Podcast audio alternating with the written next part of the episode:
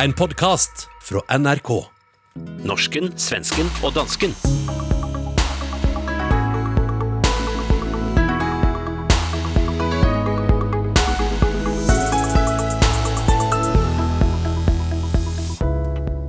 Verden er inne i en situation vi til nå kun har sett på film. Gatene i Stockholm, København og Oslo tømmes. Det er rett og slett dystre tider. Vil den nordiske modellen overleve? Er vi egnet til at takle chok? Og hvor store forskjeller er det på landene våre? Det er noget av det vi skal snakke om i dagens Norsken, Svensken og Dansken.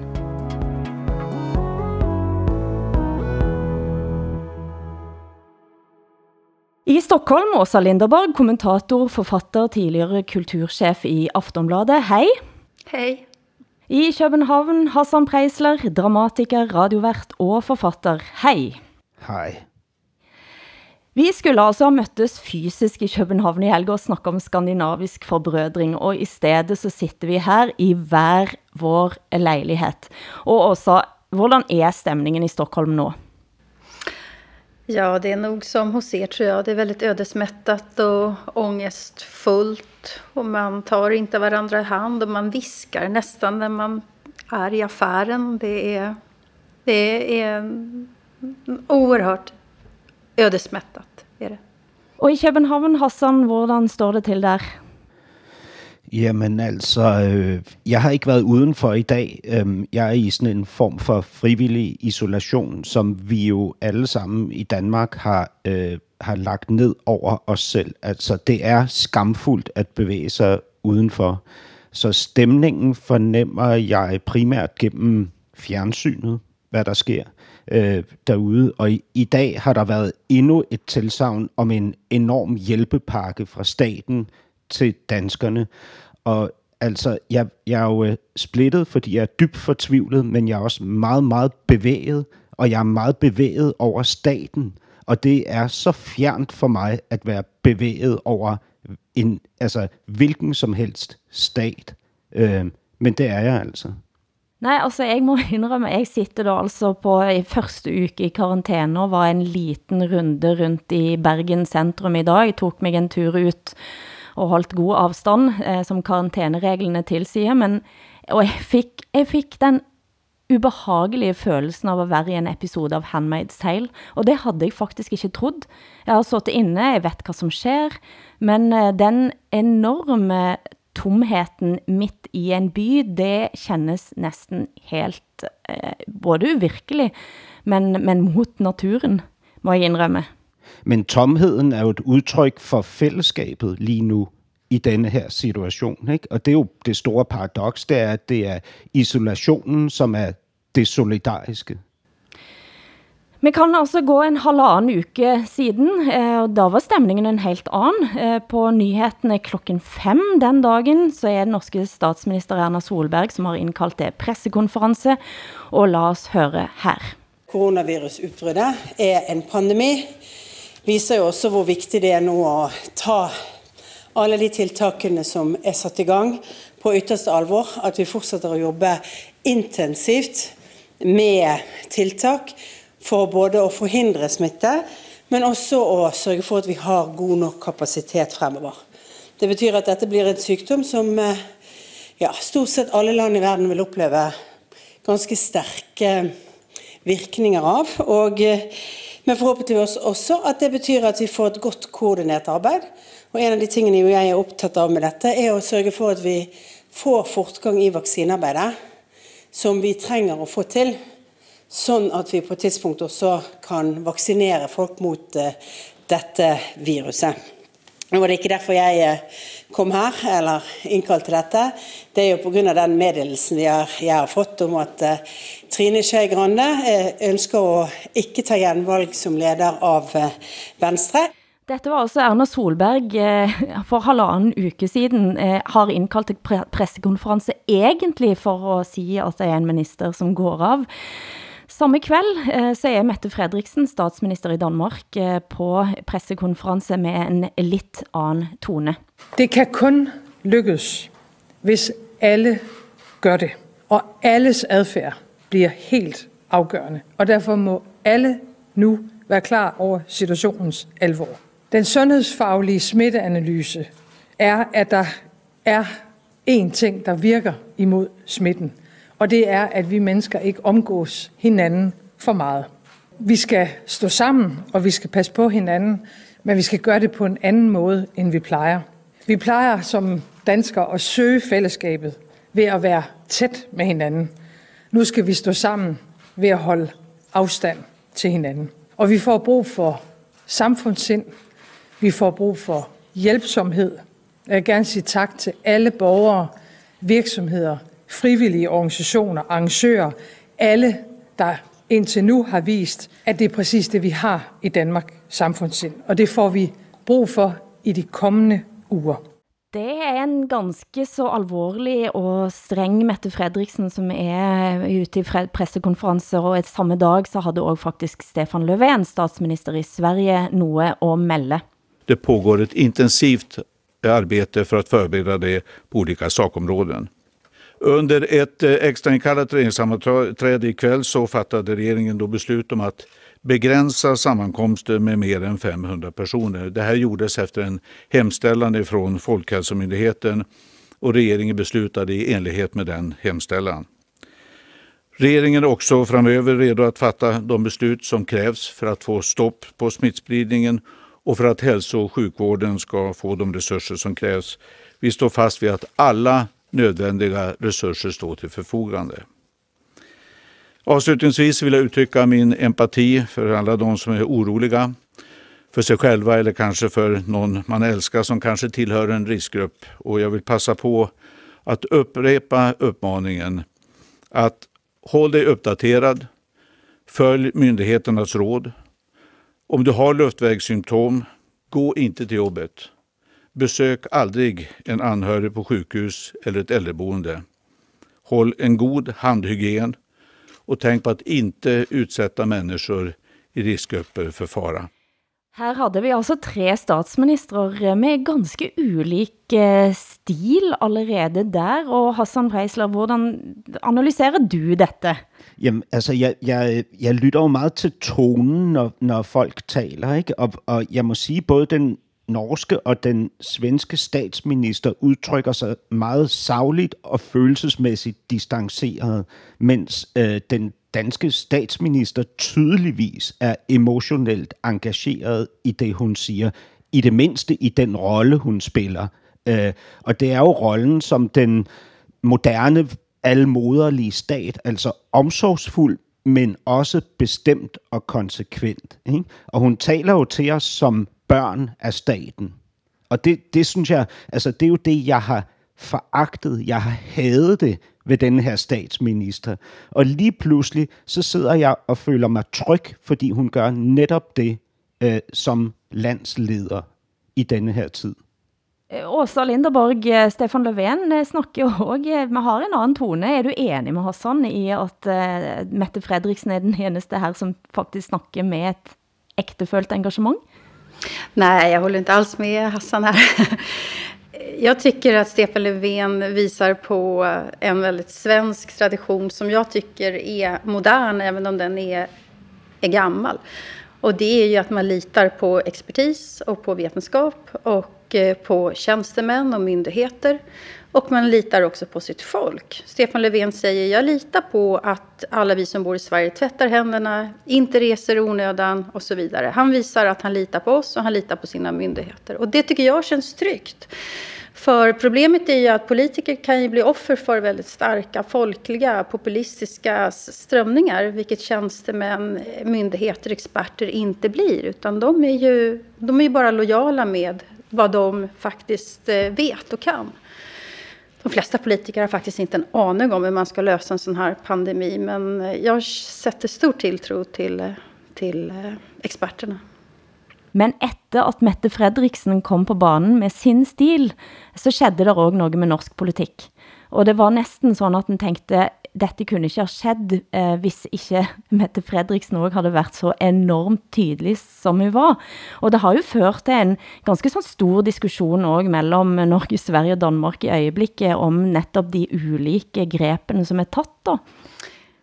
Eh, ja, alltså i Sverige så, så först var ju då Jimmy Åkesson och Sverigedemokraterna, Moderaterna, alltså högersidan, de var ute och skrek och gapade att eh, vi måste stänga gränser och vi måste stänga skolor och så vidare. Eh, och försökte plocka politiska poänger på det här. Men på senaste dagarna så har de inte gjort det. Och det kanske har att göra med det stora börsfallet också tror jag. Att man förstår att, man, att nu måste ett land hålla samman för att vi inte ska braka ihop helt och hållet. Men jag skulle säga att det finns en väldigt stark folklig uppslutning kring att vi i Sverige, att vi litar på att myndigheterna vet vad de gör. Vad gör det inte det så i eh, Danmark på samma måten, Hassan? Jamen altså, prøv at høre, jeg, nu, nu synes jeg, det bliver lidt banalt, altså fordi vores overenskomst, Åsa Hilde, det har jo været, at vi er vores nationers whistleblower. Altså, vi mødes her i et terapeutisk fællesskab, hvor vi taler ærligt og oprigtigt og kritisk om vores egen dysfunktionelle familie. Men det, der sker lige nu, det er, at vi tre bliver hypernationalister. Vi sidder og forsvarer vores mm. tendenser, altså vores na- nationale tendenser, ukritisk. Jeg var lidt, jeg var lidt usikker. og det, det synes jeg bliver det bliver, det bliver utroværdigt, og det bliver kedeligt. Ikke? Jag... Alltså tråkigt, som in i helvede. Ja. Du har en jättepoäng här Hassan, om jag bara får yeah. säga det. Du har en jättepoäng att plötsligt så blir alla nationalister. Men jag måste säga, för mig så är det här konsekvent. Jag har faktiskt alltid litat på myndigheter. Och jag tror att det, har, det tror jag är en höger-vänster-fråga. Om man litar på, på myndigheter och man inte gör det. Det ser man ju, det går igen i all sorts eh, populism och den typen av politiska strömningar. Eh, som forskare, jag litar på vetenskapen, jag gör det. Eller måske er det noget svensk, hvem ved? Altså, det er meget svært ja, altså, det er, ja, og det er jo det, som er det interessante, og jeg har, eh, jeg har også tænkt lidt på det, og jeg har lyst til, at vi skal rykke denne debatten to meter tilbage og sige, ok, men hvad er det, som faktisk kendetegner forskellen på norsk, dansk og svensk politisk styre? Du hører på Norsken, Svensken og Dansken med Hassan Preisler, Åsa Linderborg og meg, Hilde Sandvik. Og noe av det handler jo netop om at i Sverige, og dette kan du snakke mer om også, men i Sverige du snakker om myndighetene, eh, og, og, og det å lite på ekspertene. Eh, og det som eh, blir hevdet av en for eksempel forsker som Bo Rothstein, er jo netop at en har i Sverige en veldig mye længere tradition for at ha et ekspertvælde. Og at det faktisk også er sådan, at når man lytter på ekspertene i Sverige, så har de en mye større mandat, end man har for eksempel i Norge og Danmark. Ja, absolut. Det har varit så ända sedan eh, mitten på 1850-talet när man säger att eh, Sverige professionaliserades, kan man säga. Så innan dess så kunde ämbetsmän köpa sina positioner och så vidare. Men i mitten på 1800-talet redan så slår någon form av meritokrati igenom kan man säga. Man litar väldigt mycket på vetenskap och forskning och, och myndighetsutövning och, och eh, administration och sådär. Eh, och så har, så har det varit ända sedan dess. Men Sverige tror jag faktiskt är, jag tror nästan det är det enda landet i hela världen tror jag, där där en eh, minister som är folkvald då, eller en minister inte kan tala om för en myndighet exakt hur de ska göra. Det må det vara ett kollektiv bak. Alltså en regering kan göra det, men en minister kan inte instruera Nej. ett ämbetsverk. Nej.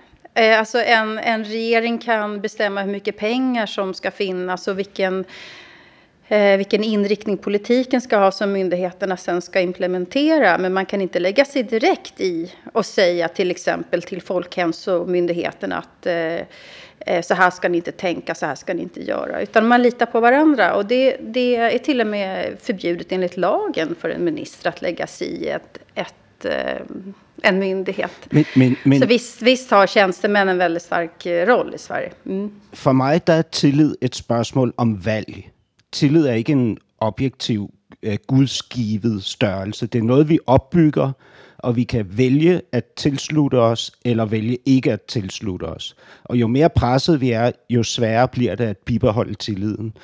Videnskabsfolk er også mennesker de er også påvirket af personlige interesser, af popularitetsbehov, af frygt for at fejle osv.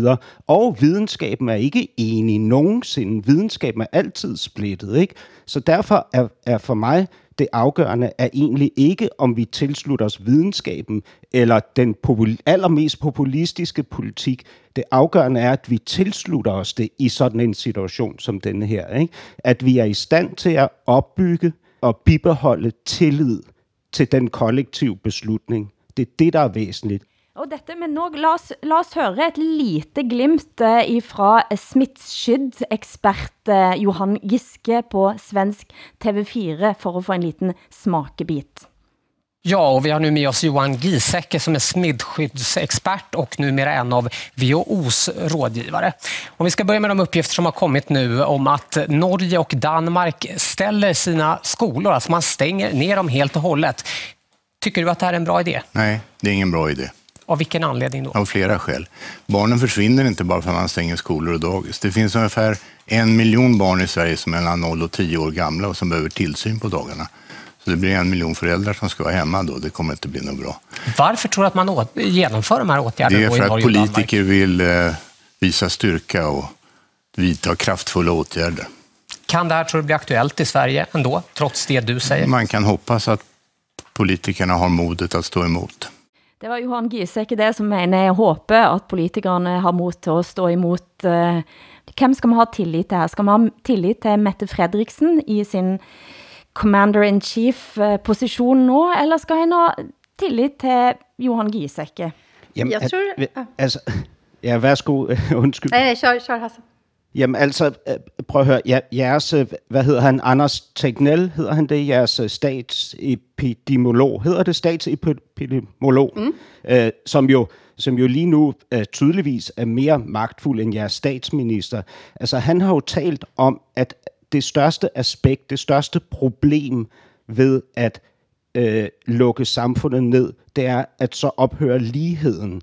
Fordi nogle mennesker vil have større privilegier, bedre mulighed for at fortsætte deres liv med et, med et socialt eller et, et samfund, der er lukket ned, og andre vil have elendig mulighed for det. Han taler derfor om ligheden i det her. Ikke? Så det, det, jo, det virker som om, at det er det underliggende fokus i, i det her, den her beslutning, han har truffet. Og det er derfor, jeg siger, at alt er politik, også når en videnskabsmand udtaler sig videnskabeligt om en pandemi. Nej, jag, jag tror inte att det här är eh, politik, men däremot så tror jag nog att vi kan säga att vi vet inte än vilken strategi som är den bästa. Det, det tror jag att man kan säga, men jag skulle absolut inte hävda att Anders Tegnell är eh, sysslar med politik. Och han är inte ensam i det här, utan vi har ju Johan Giesecke som, som ju är på internationell nivå och så vidare. Det är flera, det är liksom, det är ju, skulle jag säga, att i stort sett de flesta experter i Sverige tycker att det här är eh,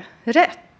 Det svåra tycker jag är ju som journalist i en sån här situation. Vad har journalistikens för ansvar? För jag håller ju med Hassan att, att journalister måste ju alltid, eller vi ska alltid vara whistleblower, vi ska alltid tänka kritiskt och sådär. Å ena sidan. Å andra sidan så ska vi inte blåsa upp eh, ett hot som är större än det kanske är heller. Vi har ju ett enormt ansvar i det här. Eh, och eh, det kan inte vara så himla lätt, varken att vara myndighetsperson eller att vara politiker, eh, att tränga igenom, eller hur ska jag säga, att hantera svenska medier eller norsk, medier överhuvudtaget. För är det några som verkligen har ett intresse i det här så skulle jag säga, så är det ju journalistiken som vi behöver ha våra tittare och våra läsare och våra lyssnare. Vi, vi har ju inte någon... Alltså, vi, vi har inte særskilt kritiske medier lige nu. Altså medierne har lukket munden på sig selv. Altså der er konsensus øh, i Danmark om at bakke op omkring vores stærke statsleders øh, indgreb i, øh, i vores bevægelsesfrihed og vores frihedsrettigheder osv.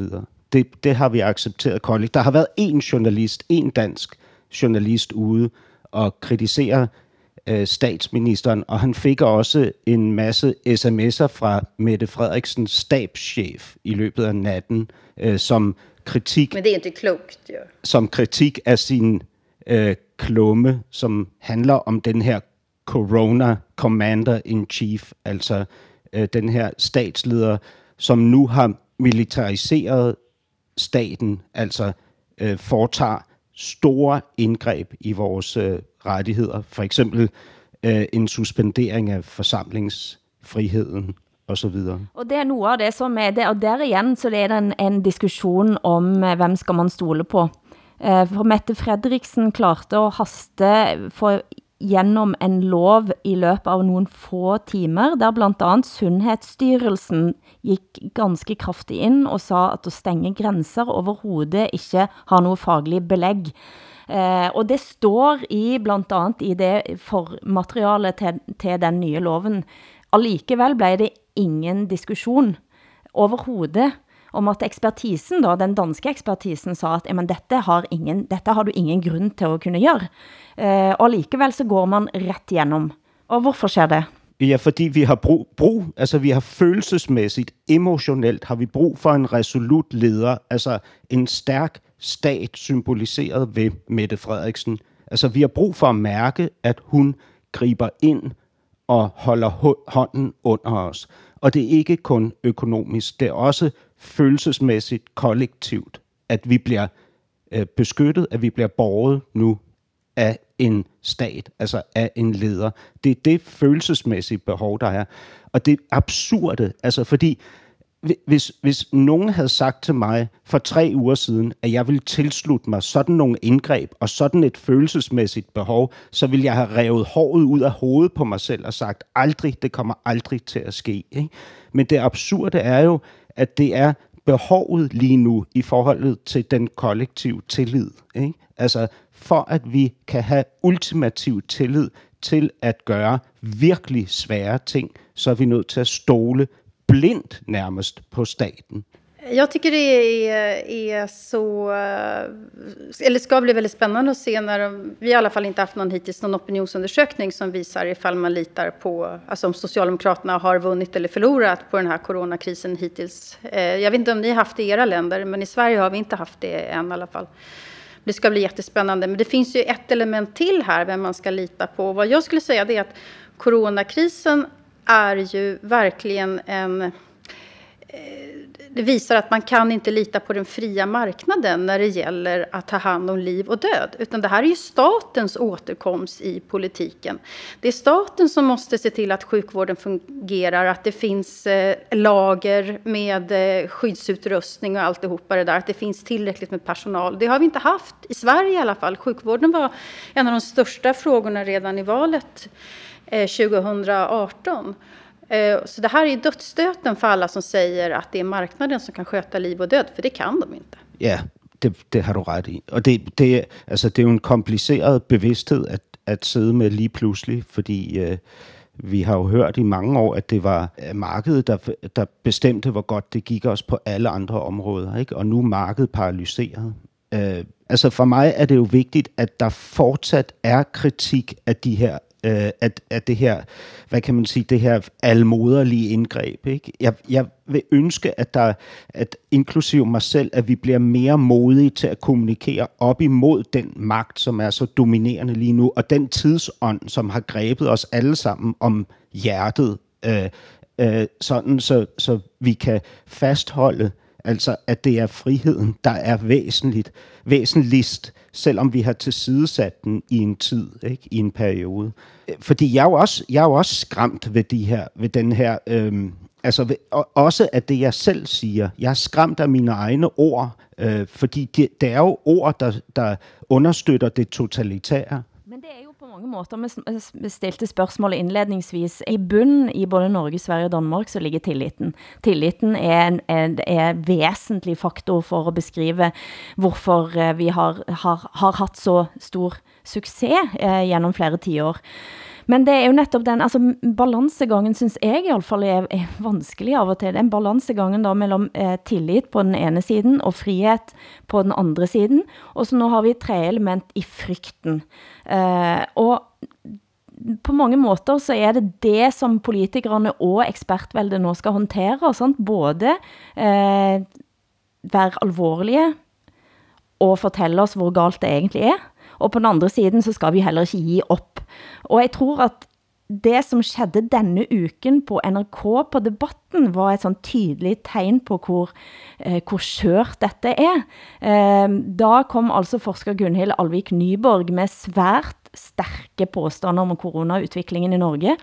Eh, og altså sociale medier har været fyldt til randen eh, med folk eh, etterpå, som beskylder da NRK for at skabe unødig frygt, og vi kan høre på dette. Altså, dette er jo krig.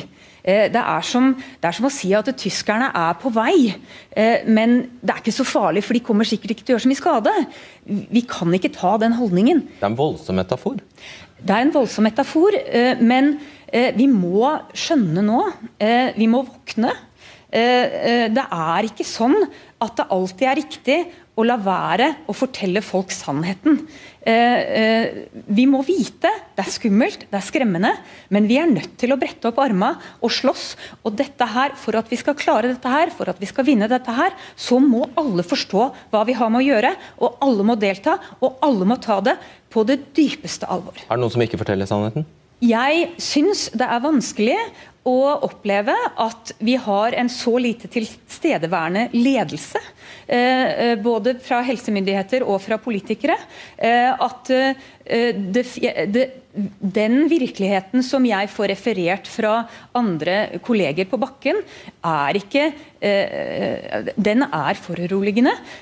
Og jeg syns det er vanskelig at vi da ikke sammen kan sitte og adressere eh, den største eh, udfordringen eh, Norge har mødt siden 1940. Forstår dere at dette skapte, har skabt store reaktioner i Norge? Ja, det, det förstår jag absolut. Och om man jämför eh, hennes eh, väldigt dramatiska uttalanden här och en, en förfärlig, förfärlig jämförelse tycker jag med, med Tyskland under andra världskriget så idag på svenska nyheterna så, så, eh, så säger läkarvetenskapen att eh, smittan inte alls är så stor som man tror. Att man smittas inte så mycket så som, som vi först trodde. Att man, egentligen så smittas man bara ungefär fem timmar innan det bryter ut och sen så avtar smittan och så vidare och så vidare. Så frågan är ju egentligen vad vi vet om alltihopa det där och då, då håller jag på att skrika och gapa om att jätte, jätte, jätte, jättemånga kan dö. Det är spekulativt tycker jag. Det skapar bara oro hos en massa människor. Och det är oansvarigt. Eh, därför att det är väldigt många som har, alltså så många har så mycket ångest. Eh, och är redan suicidala från början och så vidare. Och ser nu dessutom alla deras besparingar försvinner. Och de är en djup, djup oro för framtiden. Och sen så sänder NRK det här. Jag tycker det är skandalöst faktiskt. Men, men Åsa, alltså för, för jeg, altså jeg, jeg blev jo også forvirret, fordi... For at hun er ekspert, du? Nej, jeg, jeg hører jo fra videnskaben, at det her kan gå rigtig, rigtig galt, hvis vi ikke er voldsomt forsigtige, hvis vi ikke passer på, hvis vi ikke beskytter os, hvis vi ikke foretager store indgreb. Det er jo det, jeg hører fra den, ikke kun den danske videnskab, men den globale videnskab. Og du fortæller mig, at videnskaben siger, at der er ikke nogen grund til at bekymre sig på det niveau, vi gør lige nu. Det är ju, det är ju förvirrande. Ikke? Alltså problemet är väl just det här att vi faktiskt inte riktigt vet vad det här är. Jag tror man får ta liksom, den mentala folkhälsan på allvar här. Folk mår så fruktansvärt dåligt och vet vi inte så får man nog vara ganska försiktig faktiskt. Men också då att man litar på varandra, att man tvättar händerna, att man inte reser onödan och man håller sig inomhus som man kan. Ja. Kunne dette ha, kunne detta ha varit eh, på svensk debatt? Nej, jag tror faktiskt inte det. Men eh, det kanske är så att jag har fel här och eh, jag hoppas att jag inte har fel. För jag vill inte att hon ska ha rätt av det enkla skälet att eh, det vore hemskt. men, men jag håller nog ändå... Alltså, olika länder har provat olika metoder och vi har inte mer smittade i Sverige än vad, än vad ni har i Norge och Danmark, vad jag har förstått. Så, så frågan är ju vad vad man ska göra. Spanien har en annan strategi än vad Storbritannien har och, och, och så vidare. Det intressanta är väl att det är nationalstatens återkomst till politiken också. Det är inte EU som bestämmer det här eller någon annan utan här bestämmer varje enskilt land. Det är också intressant tycker jag. Kommer det att få åverkningar i andra frågor sen längre fram när det här har gått över och så vidare? Det, alltså, det kommer att förändra vår syn på politik väldigt mycket. Vem ska betala för vad? Eh, vem ska organisera vad? Vem ska ansvara för vad? Vem kan man lita på? Det här kommer att förändra otroligt mycket. Och framförallt tror jag att det här kommer att förändra vår, vår, hela vår syn på framtiden. För eh, nästa gång, alltså det kommer ju komma en pandemi till. Den kan vara mycket, mycket värre än den här. Eh, den framtidsångesten som kommer att lägra sig över hela världen, den är fruktansvärd. Du hører på norsken, svensken og dansken med Hassan Preisler, Åsa Linderborg og meg, Hilde Sandvik. Det kommer til at gå nogle år, før vi har fasiten eh, på hvem som har gjort ret. Eh, men det er ikke så længe til vi får facit med folkets dom over politisk ledelse. Og da er spørgsmålet om det alltid går sådan som vi forventer. Og det var tematikken da fætterne Kvattrup, eh, kommentator Henrik og journalist Thomas møttes i ukens podcast-episode av Borgen Unplugged. Vi har jo set det før, øh, statsminister, der skal agere i øh, helt særlige situationer, som for eksempel på Nyrup efter 9-11 og Helle thorning Schmidt øh, efter attentatet på øh, Krudtønden og den jødiske synagoge i øh, København for fem år siden. Og vi kan vel roligt konstatere, at øh, Mette Frederiksen er sluppet langt bedre fra det her, end hendes to forgængere gjorde, ikke? Ja, men jeg synes bare, man skal tage et forbehold her. Og det bedste eksempel på, at det ikke er nogen garanti, at man håndterer en krise øh, overbevisende og sublimt, der skal vi måske smutte en tur til Norge. Jens Stoltenberg, mm. øh, Udøjer, alle, altså alle politiske modstandere lagde sig fladt ned og sagde, at det der kunne ikke gøres bedre. Øh, sympatien strømmede, mm. øh, ikke bare Norge, men også Stoltenberg i møde efter hans måde at, at, at håndtere den der øh, forfærdelige hændelse på. Mm. Men jeg minder lige om, at han tabte altså valget. Mm. Så, så, så nogen garanti er det ikke, men aktuelt er Mette Frederiksen urørlig. De øh, bekræfter jo det, du har, Hassan har sagt, da, at Mette Frederiksen er, er urørlig. Jamen altså, den her urørlighed, den må jo være en del af den nødretslov, som vi benytter os af i en situation som denne her. Altså, vi freder magten et øjeblik for at skabe det, som hun kalder et fælles samfundssind, altså en sammenhængskraft, en tilslutning til et ideal eller en proces, altså en, øh, en fælles mekanisme. Men men jeg synes jo på en måde, at det er meget, meget smukt, at Stoltenberg kan tabe valget efter at have været så populær. Det er der, som det skal være. En ännu större gåta är ju egentligen att engelsmännen inte ville ha Churchill efter andra världskriget så tyckte de att de var klara med honom. Jonas Gahr Støre, som er leder av Arbeiderpartiet nå, i sin bok, så, så, blir, så blir jo han, eh, må han eh, analysere hvorfor Jan Stoltenberg og Arbeiderpartiet tabte valget etter Utøya eh, og siger blandt andet, at eh, det, en var rett og slett, det var så stærkt i kroppen, at den ville videre, og han trækker også faktisk linjene til Churchill og siger, ja men Churchill tabte valget, Alltså, det är två år kvar till val i Sverige och eh, frågan vem som vinner det här, det, det tror jag inte har att göra med corona utan det har att göra med hur den ekonomiska situationen ser ut. Och vi var ju redan på väg in i en ekonomisk eh, recession eh, i världen och sen så slår dessutom corona till. Så det, frågan är ju vem kommer att få betala de här stödpaketen i Sverige, 300 miljarder. Eh, företag som aldrig annars vill betala skatt vill plötsligt ha väldigt stora statliga stödpaket, det vill säga skattepengar. Och är det då kommunerna som ska betala? Är det vanligt folk som ska betala? Är det pensionärerna som ska betala?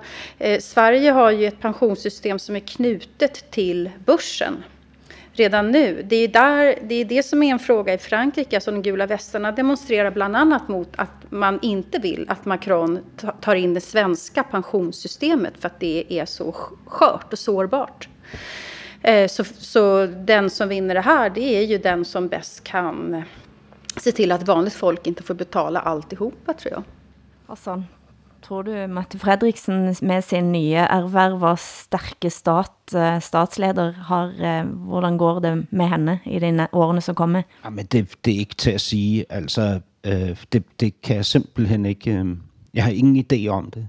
Altså, jeg, jeg håber jo, at vi på den anden side af det her så hurtigt som muligt vender tilbage til tilstanden, hvor magten kritiseres lige så hårdt, som den skal kritiseres. Altså, det er jo en form for pause, og det, for mig er det jo, jeg er jo også bare et menneske i det her land. For mig er det ikke en intellektuel beslutning, det er en følelsesmæssig kraft, der river mig hen i en form for loyalitet, som jeg tror er ekstremt nedarvet. Altså selvom min far er fra Pakistan, så kommer jeg fra mange generationer danskhed, hvor vi har lært, altså vi har fået ind med modersmælken, at øh, loyaliteten over for kollektivet er det væsentligste. Altså det er mere væsentligt end noget andet. Og det er den smag af modermælk, der melder sig i min mund lige nu, ikke? som gør, at jeg kan tilsidesætte øh, alt andet, som jo i virkeligheden er mere fornuftigt. Jag älskar det du säger Hassan, för att jag tänker att Eh, den som verkligen vill plocka politiska poänger på det här i framtiden, det är ju det parti eller den politiska kraft som är bäst på att prata om solidaritet. För nu vet människor vad solidaritet är för någonting. Eh, gemenskap, solidaritet, samarbete, det är Eh, det är verkligen de som kommer att vinna som lyckas göra det, tror jag. Nej, men samtidig så, altså jeg tror det var kanskje også en av grunden til at Erna eh, Solberg kom eh, lidt senere på banen, eh, og fordi at den tænker at her er det et samfund och som skal hænge sammen. Altså en ting er når Norwegian og eh, flyselskapet Norwegian blir det spekulert i om staten skal gå ind og, og købe flyselskap. Altså man har jo, man har jo solgt under det, det meste, og, og aktien har jo selvfølgelig gått op. Men, men samtidig, samtidig så er det jo noget med, det er jo på mange måter også eh, det markedet rundt oss som, som skaber den verden som vi er glad i. Eh, og jeg tænkte på det, når jeg tog den lille, lille runden på gaten ute i dag, eh, svinge forbi den kaffebaren, som jeg plejer at købe kaffe, går forbi eh, de kulturhusene, der jeg plejer at, at hænge på, på kvelden sammen med andre folk.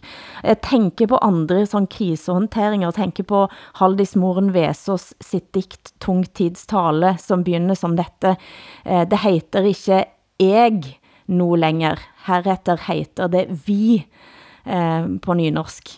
Eh, og om, nå er vi i en situation, der jeg sitter og skal være inne i min egen stue, og det er det mest solidariske jeg kan finde på. Eh, altså, det, det er noget sådan enormt dobbelt, og jeg kender, en ting er, at det river og sliter i mig, den, det ønske om, at, eh, at den skal bevare som nation. Men helt ærligt, så må jeg indrømme, at jeg vil, altså alt det som, alt det som en tænker er godt med livet, som handler om altså det urbane liv for den del altså, men som handler om at gøre ting sammen med andre, som handler om at man kan gå ut og, og møtes og, og købe, køpe for den del, selvom jeg køper brugt. Altså alt det, sant? Eh, og, da, og da er det sådan, og, og den verden der, altså hvis, og, og jeg helt ærlig, jeg havde Handmaid's Tale associationer jeg gik på gata i dag, men jeg havde også lidt sådan østblok association. Men, men alltså det är ju, Hilde, alltså att, att, att gå på café, att sitta på restaurang, att umgås med människor som man tycker om, det är någonting annat än att, att den fria marknaden har hand om sjukvården att den fria marknaden har hand om pensionssystemet. Alltså det är att den fria marknaden äger allt som, alltså väldigt mycket som vi borde äga gemensamt. Det är två helt olika saker. Jag är helt enig med dig i det, men i ytterste konsekvens, alltså, det är ju det som är så absurd, att den nu ser den ena regeringen efter den andra, oavsett hur liberal den är, i utgångspunktet havner på den samma malen om att stänga ner och, ha en stark stat. Uh, och og så spørgsmålet også i næste omgang, vi snakker om det nationale, men kan jo like godt se for sig, at den får en, en større mulighed for globale initiativer fremover. Fordi at vi faktisk nu er i så samme båt, at man må ha nogle store globale strukturer i bunden. Det är väl möjligt, det ena utesluter inte det andra, men jag skulle nog säga att det här är nationalstatens och statens uttaget återkomst i politiken, att det är politikerna nationellt som, som bestämmer över väldigt viktiga saker faktiskt. Och sen får vi väl se vilken stat som fattade rätt rätt beslut. Altså for, for vores vedkommende her i Danmark, så, og det kan godt være, at det er meget naivt af mig, men jeg betragter det her som en midlertidig øh, indsats, altså en slags pauseregering, ikke? indtil vi kan komme tilbage til, at den egentlige magt selvfølgelig vil bevæge sig ud i det private erhvervsliv igen. Altså man kan også se, at det første Mette Frederiksen gjorde, det var, at hun hjemsendte alle offentlige ansatte med løn for at beskytte det private erhvervsliv, sådan så det private erhvervsliv kunne fortsætte med at gå på arbejde. Og det er jo, godt, det er jo også, fordi hun ved, hvor ekstremt nødvendigt øh, øh, altså øh, øh, hele den private øh, sfære er for statens økonomi, at staten står jo faktisk på skuldrene af eh, den privata ekonomi och inte omvänt. Jag kan säga, jag som är en gammal revolutionär då, eh, jag förstår ju varför folk är rädda för revolutioner. Eh, jag förstår ju det nu. jag vill inte heller revolution, för det, det, det blir så här. Nej, det ønsker du dig ikke, Åsa. Du ønsker ikke en revolution. Nej. Men snakker om revolution, så er det de første, som skal tas av dage i revolutionen. Det er de kongelige. Eh, og i Norge så har kong Harald vært ute og talt og maner til større venlighed. I Danmark har dronning Margrethe nå talt, eh, og blandt andet eh, ikke bare maner til venlighed, men også snakke om tankeløse og hensynsløse unge. Men eh, la oss høre et klipp fra dronning Margrethes tale. Jeg har en appel til alle. Coronavirus er en farlig gæst. Den spreder sig som ringe i vandet, og det går stærkt. En person kan smitte mange, endda uden selv at føle sig syg, og smitten går videre rundt til endnu flere, en lang og skræmmende kæde. I den kæde vil mennesker dø. Et barn kan miste sin bedstemor, en datter sin far, en hustru sin mand. Venner vil pludselig ikke være der mere. Det er den kæde, vi skal bryde – og som vi kan bryde. Det kan kun ske, når vi alle tænker os om og gør det på samme tid og i rette tid.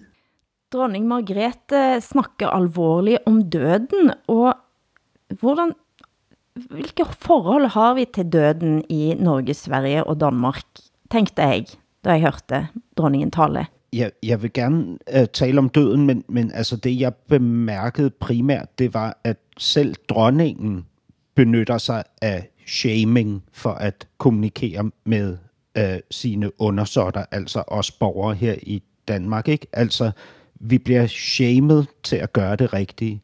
Og på den måde, der var oplevelsen for mig, da jeg så dronningen tale i fjernsynet i går, det var det, den samme oplevelse, som jeg havde, når jeg blev kaldt til samtale som barn over på skolen.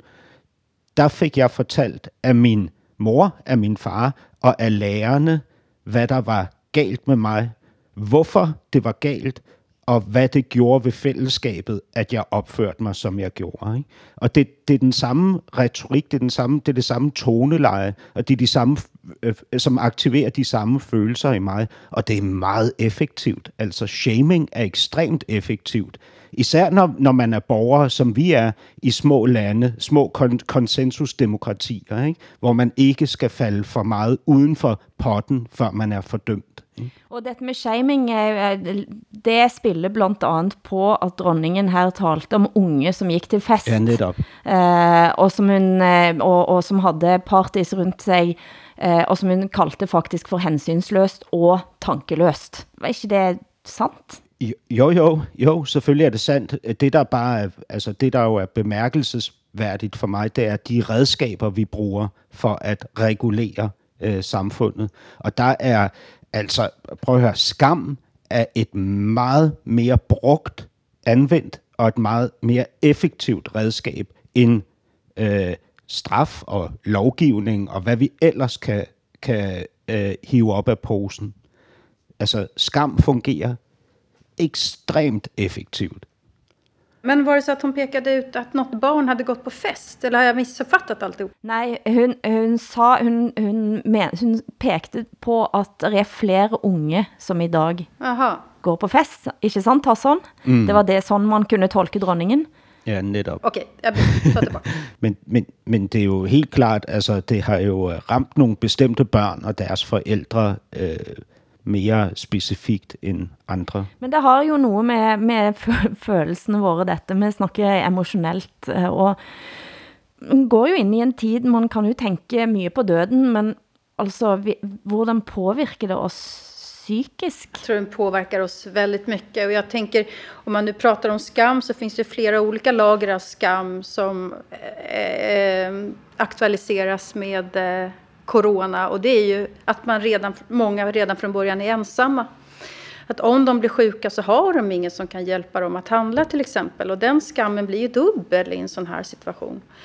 Eh, en annan skam tror jag att många känner, det är den här girigheten. Att man har satsat en massa pengar på börsen och sen så faller börsen ihop. Och så skäms man över att man har haft sådana förhoppningar på att pengarna ska växa där och så gör de inte det. Eh, girighet är ju liksom något fult och eh, den tror jag att många brottas med just nu faktiskt. Att man har förlorat pengar och att man hade liksom haft sådana förhoppningar på de här pengarna. Jag har sett eh, svenskarna som eh, alltid ligger, tänker mycket längre fram än det norrmän gör, eh, bland annat. så i alla fall i en del saker så såg jag att Dagens Industri nu har regnat på eh, över tid uh, hvor länge du må sitte pengene på børsen for at begynde at tjene penger igen. Uh, og der var faciten altså 16 et halvt år. Det er, Det är ganska længe. länge. Ja. Om det nu stämmer så är det ju väldigt länge. I, I forhold til døden, altså, øh, jeg, har, jeg har ikke sådan specifikt, jeg er ikke specifikt bekymret for min egen død. Øh, altså, jeg føler mig ikke udsat, fordi jeg læser statistikkerne, øh, og selvom det jo er næsten 70 procent, som er mænd, der bliver ramt af corona, og kun 30 nogen, og øh, nogle af 30 procent, som er kvinder, så øh, tænker jeg lidt, at jeg kommer ikke til at dø af det her, fordi jeg er sund og rask, og jeg ryger ikke længere, og jeg, jeg drikker ikke for meget alkohol, og når jeg ikke har benskader, så løber jeg mange kilometer hver eneste dag, osv. så. Øhm, alligevel så lå jeg i nat og fantaserede om min egen begravelse, og der må jeg sige, at jeg vil være meget ked af at dø lige nu, hvor der ikke kunne komme hundredvis af mennesker til præcis min begravelse, hvis jeg skal være ærlig. Øhm, det er den komiske del af det. Den alvorlige del for mig er, at jeg har en mor og en far og andre familiemedlemmer, som er ti, øh, i 70-årene, altså i 70'erne, øh, som er i kraftbehandling eller svækket, øh, i hjertet øh, eller i lungerne. Og dem er jeg voldsomt bekymret for. Og jeg kan ikke se dem for tiden, for jeg må ikke komme på besøg hos dem. Så jeg køber ind til dem og stiller varerne udenfor og ringer på og går tre meter væk og taler lidt med dem. Og ellers så kan jeg ringe med dem på FaceTime eller gå forbi og vinke ind af deres vinduer. Men jeg har ikke nogen fysisk kontakt med dem. Og jeg vil aldrig have troet, at jeg skulle komme til at sige det her, men jeg savner rigtig meget at holde om min mor. Altså det sætter jo i gang veldig mange tanker om eh, sårbarhet selvfølgelig, altså og hvad isolation faktisk gør med dig. Eh, nu ikke jeg vært ute på gaten si torsdag, mine foreldre bor ikke her, men jeg har snakket med dem på telefon, eh, og, og det begynner jo pludselig å tenke, hm, hvem handler for de egentlig, og de går, gjør sikkert det selv, men det setter jo i gang eh, fantasier, som en, som en faktisk aldrig har haft før. Og en ting er liksom, hva det gjør med oss akkurat nå, når en fremdeles kanskje er i en eller annen blanding av panik og, og, og avvisning av fakta, eller jeg vet ikke hvad det er, men, men på sikt, så har jeg jo begyndt at lure på, om vi kommer til at få nogle helt andre diskussioner om nogle uker, når samfundet har været lukket ned, og de konsekvenser, de økonomiske konsekvenser viser sig, og om dødeligheden da stiger, fordi at den har en mye, mye større ensomhed for eksempel, og en vet at selvmord øker, når økonomien knækker for eksempel. Og hvilke samtaler får vi da? Altså om, eh, eh begynder vi da at diskutere, hmm, kan vi tåle at flere dør av influensan eller av viruset, eh, mot at vi åbner op og får mindre isolation? Altså det er jo nogle helt enorme dilemmaer, som man kommer til at stå overfor i hele verden. Og hvem er da best rustet til det? Er det den svenske modellen, eller den norske delvis danske modellen? Jag ska ta tåget ner till eh, västkusten efter det här programmet. Jag håller mig inte hemma. Jag ska hälsa på mina vänner där. Eh, nej, jag vet inte vad som är bäst, men jag tror att det är... Vi kommer att känna hur mycket vi tycker om varandra. Eh, vi känner en, en, stor ödmjukhet inför, inför varandra, inför livet. Och det är inte så dumt, tror jag. Allihopa. Altså, jeg håber jo på, at denne her øh, isolering kommer til at aktivere nogle andre evner i os. Altså, for det første, så synes jeg, det er fantastisk at blive tvunget til at behovsudsætte. Altså, det, det er nok for mig personligt noget af det mest spændende. Og jeg taler ikke om mad, selvfølgelig. Jeg taler om behovsudsættelse. I, altså, simpelthen, jeg, jeg, har jo, jeg har jo levet i en tid, hvor jeg fra jeg stod op om morgenen til jeg gik seng i, i seng om aftenen, bare har kunnet opsøge, hvad jeg ønskede. Jeg kunne købe, hvad jeg ville. Jeg kunne gå hen, hvor jeg ville. Jeg kunne gå i seng med, hvem jeg ville. Jeg kunne øh, elske eller ikke elske, som jeg havde lyst til. Ikke? Og lige pludselig, så bliver tingene knivskarpe. Altså, hvad der har betydning, hvad der ikke har betydning, og hvor, hvor meget af det, jeg i virkeligheden ikke har brug for. Ikke? Øhm, altså jeg kan jo mærke, hvad mit egentlige savn er i dag, hvor jeg sidder i min lejlighed øh, non-stop, ikke? Og hvad, hvad der er fuldstændig overflødigt. Altså øh, simpelthen pl- bare kun plastre på det, på det store emotionelle sorg. Ikke? Uh, og det, det synes jeg er meget, meget spændende, og jeg håber, vi vil bruge den her tid på at sidde her i vores stuer i en form for meditativ tilstand og blive bedre mennesker. Alltså det är så intressant det du säger Hassan, att, att nog väldigt, väldigt många människor som sitter hemma i sina lägenheter och känner sig onödiga. Eh, vad jag är rädd för det är att arbetsgivarna kommer att titta på sina arbetsplatser och säga jag saknar henne och honom och henne och honom, men inte henne och honom och hem, eh, honom. För att man förstår inte riktigt vad de här människorna gör när de inte sitter på plats. eh, ja, ja. Det kan få enorma konsekvenser det här faktiskt. På, det, tror jeg, det tror jeg faktisk sker. Og det kommer til at få nogle helt andre type konsekvenser. At det at man, eh, ja, man i sitt eget liv eh, skale ned og, og skale væk eh, unødvendigheter. Men på den positive siden, så tror jeg jo at det faktisk, at vi sitter nå her. Vi sitter altså i hver våre lejligheter og lager radio. Vi trenger ikke længere gå i studio engang. Altså det kommer til at komme enorme tekniske muligheder for deling. Jeg har allerede været på koncert, jeg har haft fest på Google Hangout, jeg har, eh, jeg har uh, Skyper på møter, altså Eh, haft ganske stort socialt liv, selvfølgelig, det vil ikke erstatte nogen ting som helst, eh, men det giver oss nogen, nogen muligheder, der teknologien også kan faktisk nå tvinge sig igennem, at vi er nødt til at ta i bruk nogle virkemidler, som vi har haft der, men som vi ikke har brugt helt skikkelig da. Mm. Du hører på Norsken, Svensken og Dansken med Åsa Linderborg, Hassan Preisler og meg, Hilde Sandvik.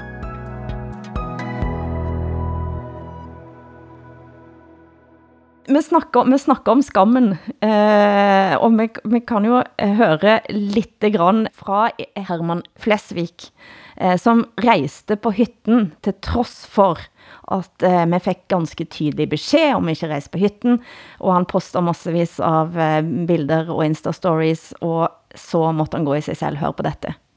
Jeg eh, gjorde selvfølgelig noe man ikke burde gjort. Eh, vi er i en situasjon hvor ting forandrer seg time etter time, og jeg så ikke alvoret før jeg allerede var fremme på hytta. Eh, man fikk beskjed om å dra hjem, og det, det fulgte vi. Eh, ingen var i karantene, alle er friske. Eh, men det er klart at dette skaper jo mye leven og røre. Og jeg ble trynet utad for de som er på hytta, og det er greit. Vi kan alle gjøre feil. Så jeg tror det er viktig nå at man bare tar vare på hverandre og følger de reglene man får beskjed om.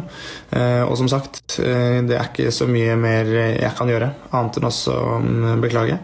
Og så håper jeg alle holder seg friske. Og mm, ja, vask hendene og hold deg unna folk. Hytteskam blev det begrebet, som er blitt brugt etterpå. I Danmark har en hyggeskam, eller? Ja, altså hygge, det er jo for danskere, det er jo sammenkomster øh, i, øh, i meget tætte sammenhænge, hvor man øh, har øh, ekstrem nær kontakt med hinanden, gerne her i den her tid, hvor det ikke er blevet forår endnu, indendørs med lukkede vinduer og tændte sterinlys øh, og en hel del alkohol og mad. Og det er jo, altså det går jo ikke. Det er jo, øh, det er jo, det er jo stik imod anbefalingerne. Så derfor øh, går, går den her shaming, den går jo også imod de aspekter af hyggen, som er det, vi kender allerbedst. Ikke? Og på den måde, så kan man sige, at vores øh, kultur er op imod vores kultur. Altså i Norge shamer man på hytterne, og i Danmark shamer man på hyggen. Ikke? Altså det er bare øh, endnu et øh, brutalt paradoks i den her tid. Ikke? Ligesom paradokset øh, mellem øh, fællesskab og isolation. Ikke? Øh, altså hvor, hvor vi jo er opdraget til den her Øh, øh, fællesskabstanke, ikke? og nu skal beskytte den ved at isolere os. Ikke? Där vi, eh, alltså det är väldigt nationellt knutet var skammen ligger någonstans. I Sverige skulle jag säga att skammen ligger i att man bunkrar för mycket själv. Att man köper på sig all toalettpapper, all pasta och så finns det inte någon till någon, till någon annan för det strider mot den svenska solidaritetstanken som man ska dela med sig. Det gør vi jo i både i Danmark og Norge også, men det har ikke fått skambegrep, men hamstring blir jo sett ganske ned på. Ja.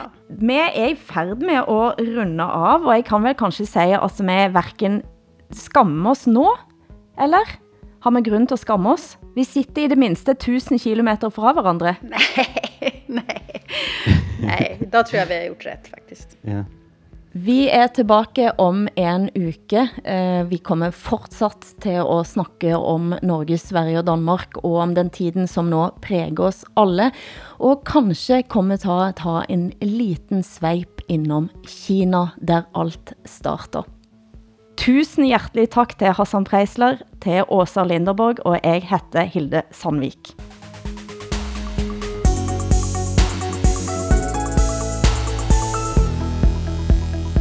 Du har hørt en podcast fra NRK. Hør flere podcaster og din favoritkanal i appen NRK Radio.